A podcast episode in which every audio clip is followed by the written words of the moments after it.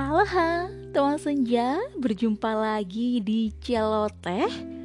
Pada kali ini kita akan berdiskusi tentang 9 frasa keren untuk menyatakan pendapat dalam bahasa Indonesia. Nah, teman senja, frasa apa yang biasa kamu gunakan untuk menyatakan pendapat? Apakah frasa menurut saya? Atau ada frasa yang lain? Ya, frasa yang sering kali digunakan untuk menyatakan pendapat dalam bahasa Indonesia adalah menurut saya ya. Tetapi, tahukah kamu bahwa ada beberapa frasa yang membuat bahasa Indonesia Anda terdengar keren selain frasa menurut saya? Nah, untuk menyatakan pendapat dalam konteks yang formal, Anda bisa menggunakan beberapa frasa, yaitu menurut saya, saya pikir, menurut pendapat saya, bagi saya, dan menurut penilaian saya. Contoh dalam konteks berikut ya. Jadi ada satu konteks untuk contohnya. Anda sedang berkuliah tentang topik sampah plastik di kelas. Lalu di kelas Anda berdiskusi dengan teman Anda. Lalu Anda menyampaikan pendapat Anda dalam diskusi itu. Nah, oke. Okay. Contoh. Bagaimana opini kelompok kamu tentang plastik yang bertambah setiap bulan? Lalu saya menjawab, Ya, bagi saya ini akan berbahaya untuk kehidupan manusia 10 sampai 20 tahun ke depan. Kita harus mulai mengurangi penggunaan sampah plastik supaya sampah plastik itu berkurang. Kita harus berkampanye diet plastik atau melakukan sesuatu kepada masyarakat ya.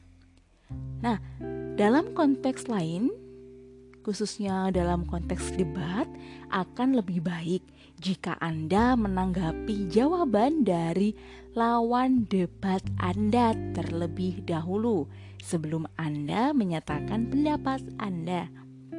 Anda bisa mengungkapkan kata untuk menyatakan setuju atau tidak setuju terhadap pertanyaan lawan debat Anda. Bagaimana cara menanggapi jawaban lawan debat Anda? Anda bisa menggunakan beberapa kalimat seperti di bawah ini. Jika Anda setuju dengan opini lawan debat Anda, Anda bisa menjawab dengan "Saya setuju dengan pendapat saudara jika bla bla bla." Anda bisa mengulang pendapat lawan debat Anda.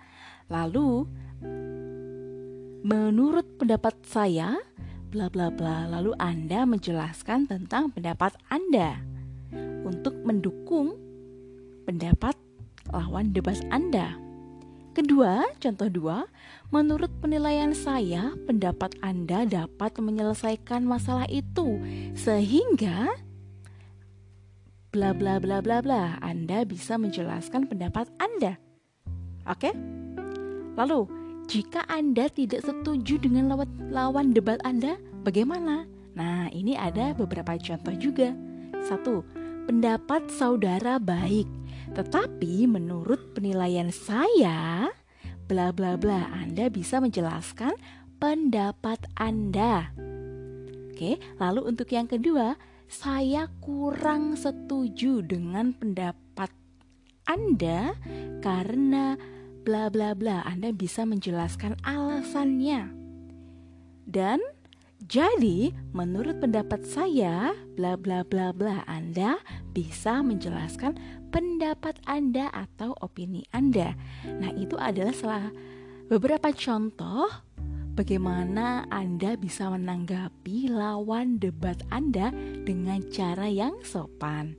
Baik, di sisi lain, dalam konteks informal, Anda bisa menggunakan frasa menurutku, pikirku, kalau aku, dan kalau pendapatku untuk menyatakan pendapat Anda. Oke?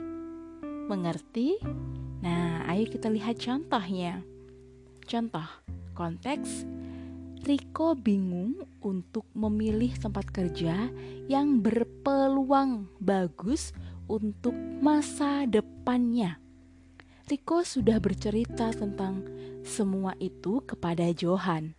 Johan memerlukan bantuan Riko untuk memberikan solusi tentang masalah ini. Riko, Riko bertanya, "Johan, kemarin aku diterima kerja di perusahaan A dan perusahaan B.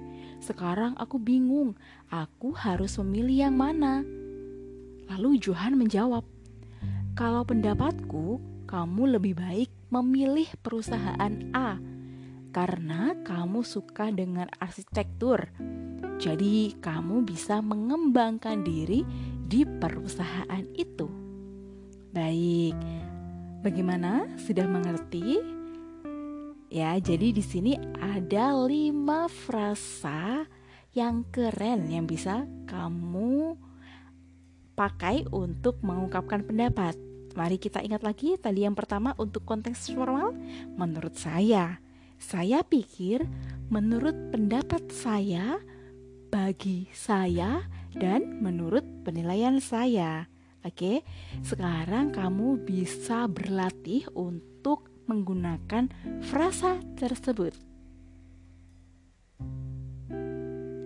Oke?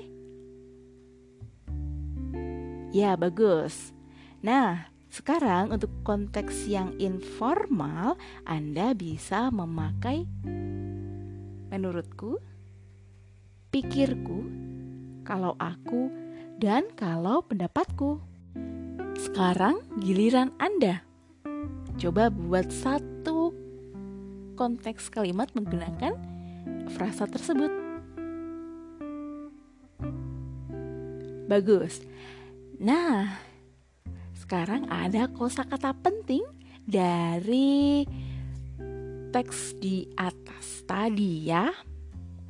Ada terdengar, terdengar, audible, audible ya.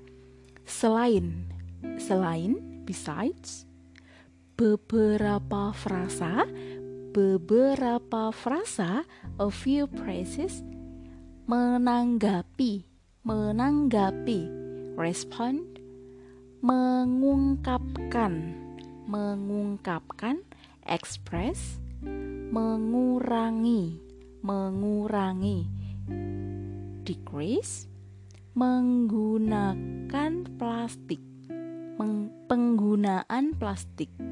Penggunaan plastik. Plastic usage. Berpeluang. Berpeluang. Have a chance. Memerlukan. Memerlukan. Requires. Masa depan. Masa depan. Future. Bla bla bla bla sehingga bla bla bla bla. So that. Jadi bla bla bla. So, lawan debat, opponent debate.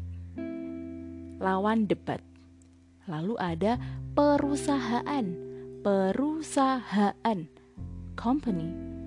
Dan terakhir, mengembangkan, mengembangkan, develop ya. Nah, dari sembilan frasa kalian tadi, mana frasa mengungkapkan pendapat yang menjadi favorit kamu dalam menyatakan pendapat?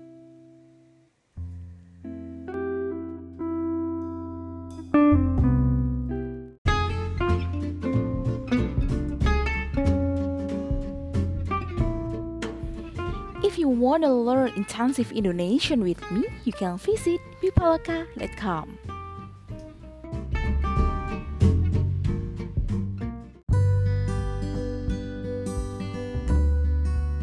Terima kasih sudah mendengarkan celoteh episode kali ini. Sampai jumpa di celoteh episode berikutnya. Thank you for listening to the Celeteh episode this time. See you in the next episode.